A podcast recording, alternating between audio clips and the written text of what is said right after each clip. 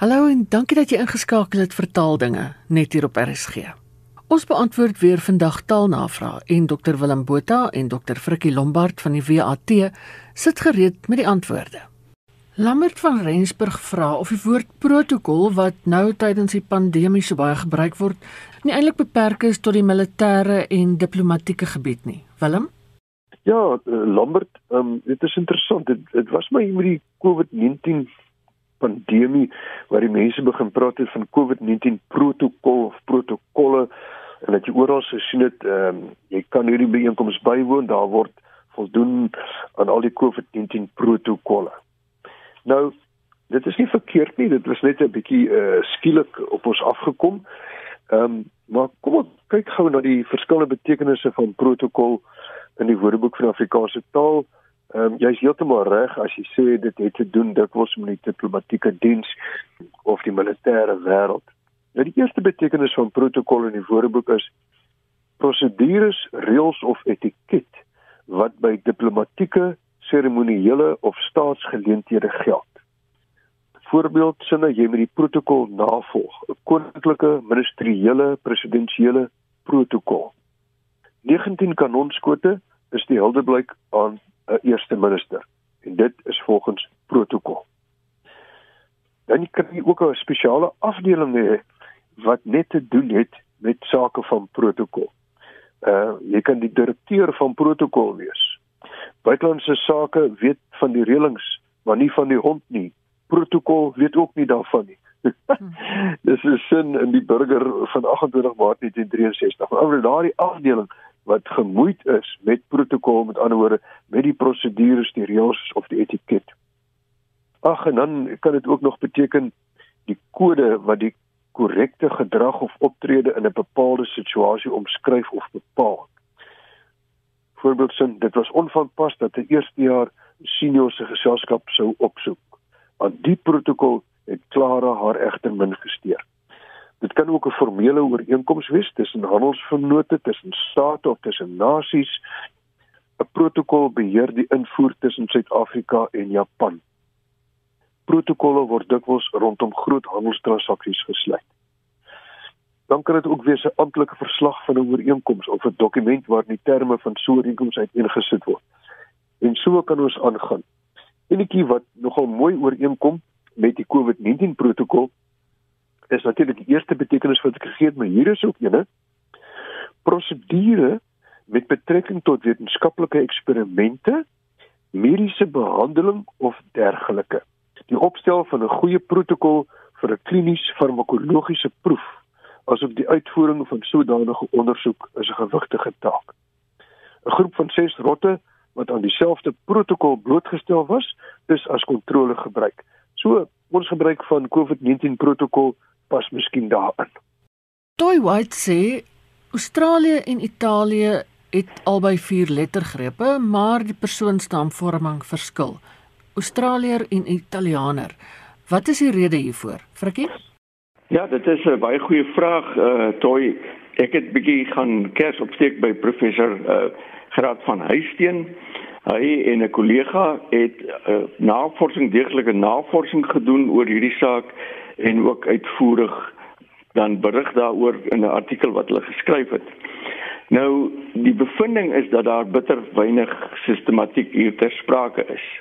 Ek ek het byvoorbeeld gaan kyk in die Afrikaanse woordelys en spelreëls wat ek dink mense ook maar moet gebruik omdat daar 'n heel goeie lys buitelandse geografiese plekname met hulle afleidings is, hulle persoonsname dus.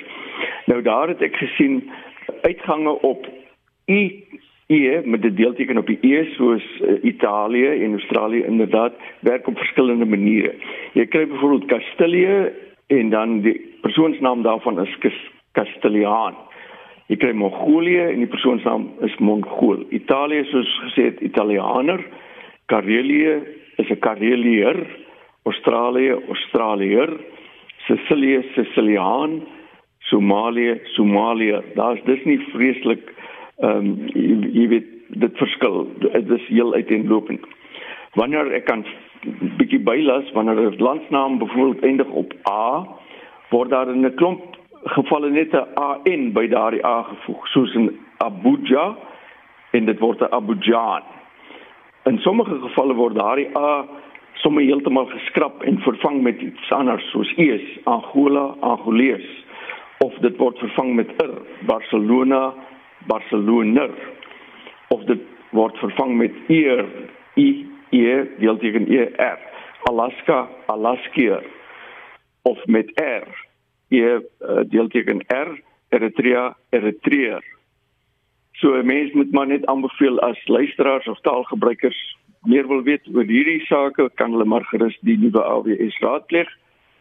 Want soos ek gesê daar's 'n heel goeie en uitvoerige lys buitelandse geografiese plekname met afleidings. Willem, hier is nog 'n vraag oor getalle en syfers en so aan. Dani van der Walt vra: Waarom word die woord dodetal tot vervelings gebruik in nuusberigte? Dis tog sekerlik dode getal, sterfte syfer of getal sterftes. Dani, dis maar 'n kwessie van persoonlike voorkeur. Ek self sou ook dodetal verkies bo dode getal, maar sterfte syfer of getal sterftes is is is ewe goed. My jou voorkeur ehm um, woord dode getal is nie vir my so mooi nie, maar soos ek sê, uh, 'n mens kan nie altyd verwag dat 'n uh, amptelike instansie jou voorkeur uh moet eerbiedig nie. So die, ons verskil baie vir sekere goederes ehm um, het jy 'n keuse. Maar dan is 'n ander interessante vraag. Hy sê is dit korrek om van 'n uitgawe van 'n radioprogram of televisieprogram te praat? Dis tog sekerlik 'n uitsending of beeldsending of episode of aflewering van so 'n program. Uitgawe verwys vir hom na 'n boek met 'n spesifieke gedrukte medium en 'n datum en alles. In Engels sou ek dink dieselfde beginsel van toepassing wees. Dis eerder broadcast episode ensovoorts en nie edition nie. Nou, hier gee ek jou gelyk, Dani. En mens sou kon praat van die uitgawe van 'n radioprogram, dit is baie rar en ons wil nou liewer te praat van 'n uitsending of 'n weergawe of 'n episode of 'n aflewering van 'n so radio of televisieprogram. Frikkie, Paul het 3 vrae en dit gaan ook onder andere oor Engelse woorde wat gereeld gebruik word in 'n vraai of dan nie goeie uh, Afrikaanse alternatiewe is nie. Hy praat onder andere van beams en cable ties. Ja.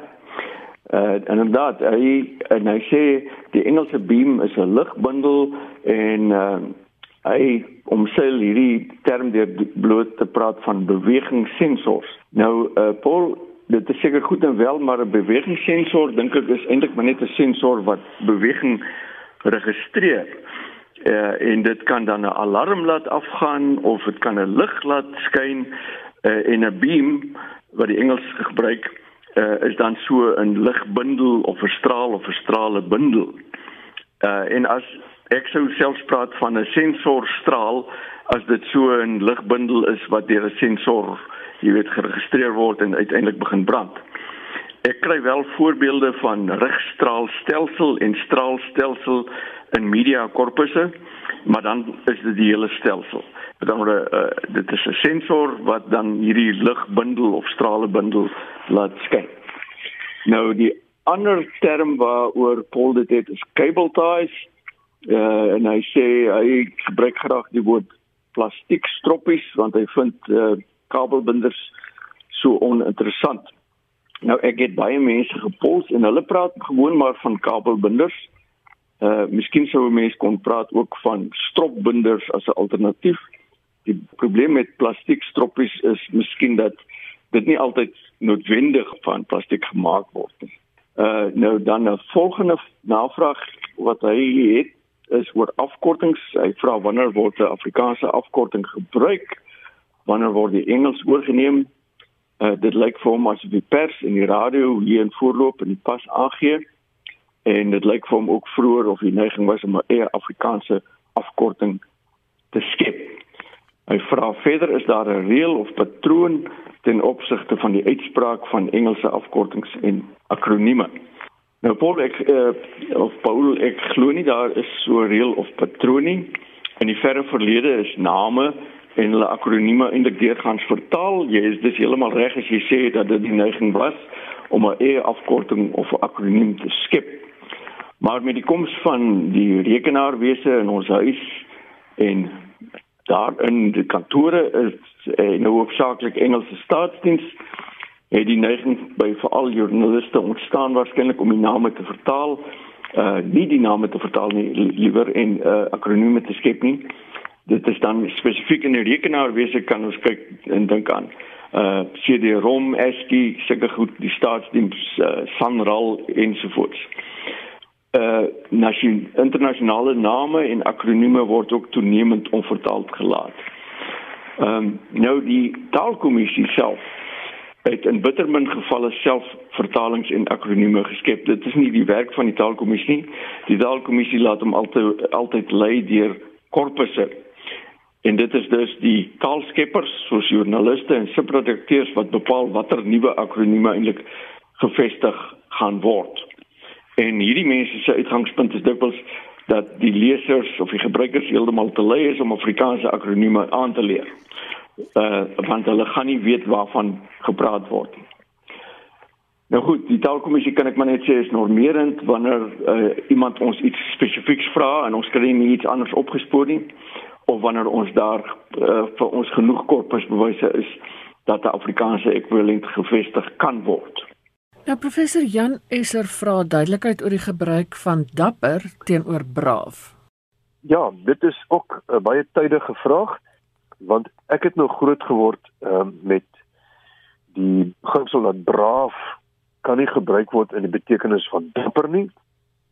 Dat braaf eintlik 'n uh, Nederlandse woord is en uh 'n heel ander betekenis het, maar deesdae hoor jy baie dat mense braaf gebruik, dan bedoel hulle dapper. Nou ek het verskeie bronne oor dapper en braaf geraadpleeg en volgens al die bronne is braaf in die betekenis van dapper 'n anglisisme. En dit hou nie verband in Afrikaans met die oorspronklike betekenis van braaf in Nederlands want oorspronklik kon braaf in Nederlands twee betekenisse hê, naamlik dapper en andersins regskape, deegsaam, goed, gaaf. En ek het spesifiek gaan kyk na korrekte Afrikaans van Bonelis en van 'n Merwe. En daar word die saakie baie mooi uiteengesit en ek gaan 'n paar gedeeltes daaruit lees. Hulle verwys na van Dale, die Nederlandse Woordeboek. Volgens van Dale kan braaf in Nederlands nog steeds die betekenis dapper hê. Maar daarna beteken dit eintlik vandag hoofsaaklik regskape, deegsaam, goed, gaaf. So, oorspronklik het braaf in Nederlands twee betekenisse gehad, maar is eintlik maar net die een wat voortleef en is nie die een van dapper nie, dis die een van regskape, goed en gaaf. Maar wat toe gebeur het is dat Engels wat nou maar net 'n uh, 'n broerskind 'n familielid van Afrikaans is. Ons is eintlik baie baie nou verwant albei Wes-Germaanse tale. Hulle het net bryf gekies na aanleiding van braaf in die betekenis van dapper. Hulle het nie 'n ander woord gemaak of geskep soos dapper nie. Hulle het net brave en brave by hulle beteken dapper. Maar in Afrikaans en braaf in die betekenis van dapper of nooit bestaan nie en dit is die waarskynlikste of die betekenis van braaf van dapper het heeltemal in die vergeetlikheid geraak totdat dit nou weer onder Engelse invloed na vore gekom het. So dit is dan nou my lang antwoord oor dapper en braaf. As jy kyk in in 'n woordeboek die WAT dan word daar vir vir braaf net gegee goed, gaaf, deegsaam en dan ook 'n interessante betekenis wat nou al bietjie vergeete is, erg of taamlik braaf suinig, braaf koud en dit het in moderne taal geword braaf suinig, braaf koud. Maar daai braaf koud wat ons gebruik, kom eintlik van braaf af. En as jy gaan na ehm um, die woord die handwoordeboek van Afrikaanse taal en jy kyk by braaf, dan is betekenis 1 en is duidelik gemerk anglisisme. Definisie is dapper. Betekenis 2 is verouderd en die definisie is gaaf, goed deegsaam. So dit is min of meer die situasie vandag. Braaf word gebruik in die betekenis van dapper, maar is 'n tipiese anglisisme. Johan Oosthuizen sê, hoor 'n bietjie wat sê die taalmanne oor die regte gebruik van die byvoeglike naamwoord, naamwoorde kritieke en kritiese. Vir my sê Johan Het dit verskillende gebruike, maar oor die radio en in koerante word dit as sinonieme gebruik en ek dink dis nogal 'n redelike probleem. Frikkie? Dit is 'n probleem. Uh kom ons begin maar by by krities. En uh, krities se eerste betekenis is met of ingestel op die uitoefening van kritiek waar die kritiek beteken beoordeling of oordeel van oor iets. In 'n enger toepassing kan dit ook wees 'n afwysende soort negatiewe beoordeling of oordeel of kommentaar. In 'n enger toepassing ook kan dit beteken geneig wees om afwysende kritiek te lewer oormatig vol negatiewe kritiek dan jy krities. Byvoorbeeld, hy was baie krities oor haar klere drag. Met ander woorde, hy het afwysend eintlik daar gereageer en uh, kommentaar gelewer. Jy kry kritiese vrae of opmerkings wat uh, ingestel is op, om eintlik kritiek te lewer. Dan kry jy 'n tweede betekenis onderskeiding van krities en dit is eie aan of op die gebied van die kritiek. Die kritiek daar is dan wetenskaplike en waardebepalende ondersoek, toetsing of beoordeling. Met ander woorde, dit gaan op die wyse of die volgens die beginsels van die kritiek soos literêre kritiek byvoorbeeld. Ehm um, en wat daardie kritiek beoefen of kritiek bevat. Jy kry 'n kritiese ingesteldheid teenoor bronne materiaal byvoorbeeld. Uh of die lys boeke vir studente en predikante het Tosius gesê uh is vir ons van minder waarde omdat Spurgeon nie deurgaans krities is nie, maar groen en ryp deur mekaar opnoem. En dit is tipies wat krities is. Nou wat is kritiek en ek praat nou van kritiek as 'n byvoeglike naamwoord. In die eerste plek is dit met die kenmerke of die omvang van 'n krisis. Kritiek het te, te doen met 'n krisis of wat 'n krisis bereik het of waarop waarin of waar tydens so 'n krisis bereik word of bereik kan word. Dit kan ook gebruik word vir iets wat in 'n krisis verkeer of waar tydens 'n krisis verkeer word. Ons kan praat byvoorbeeld as ek 'n aanhaling kan gee, krisis volg gewoonlik die volgende patroon. Daar's 'n krisismoment, 'n daaropvolgende kritieke stadium en dan hopelik 'n konstruktiewe afloop. Sangiru sê in sy boek Safari sê dit was daar was 'n kritieke oomblik want die leeu het nie net gedreig nie, hy het begin stadig naderkom. Dit is wanneer dit werklik 'n krisis begin aanneem as dit ware. En dan is word uh, kritiek ook gebruik as ons bedoel waar sonder iets nie kan plaasvind of funksioneer of slaag nie van beslissende of noodsaaklike belang dan is iets kritiek. Die audio transformator kan ons sê is 'n kritieke onderdeel aangesien 'n hoë spanningsverhouding die sensitiwiteit van die inkomstelsel sal verseker. Jy kan nie daar sonder klaarkom nie. Dus ek dink dit is heeltemal waar wat hier opgelet is. Die goeders word sommer gehanteer asof hulle sinonieme is, maar ons moet 'n bietjie fyner nuanceer en uh kennis neem van wat die werklike betekenisse is. Dit was Dr. Frikkie Lombard en Dr. Willem Botha van die Woordeboek van die Afrikaanse taal. Daar is nog 'n paar vrae wat oor staan tot 'n volgende keer. Dit sal dan ook die einde van 'n era wees omdat Dr. Frikkie Lombard aangedui het dat hy nou na 18 jaar die taalnavraag tuig wil neerlê. Intussen kan jy die potgooi aflaai by rsg.co.za en as jy taalnavraag het, stuur gerus my e-pos na ina@rsg.co.za. En daarmee groet ek. Geniet die res van die dag in RSG se geselskap.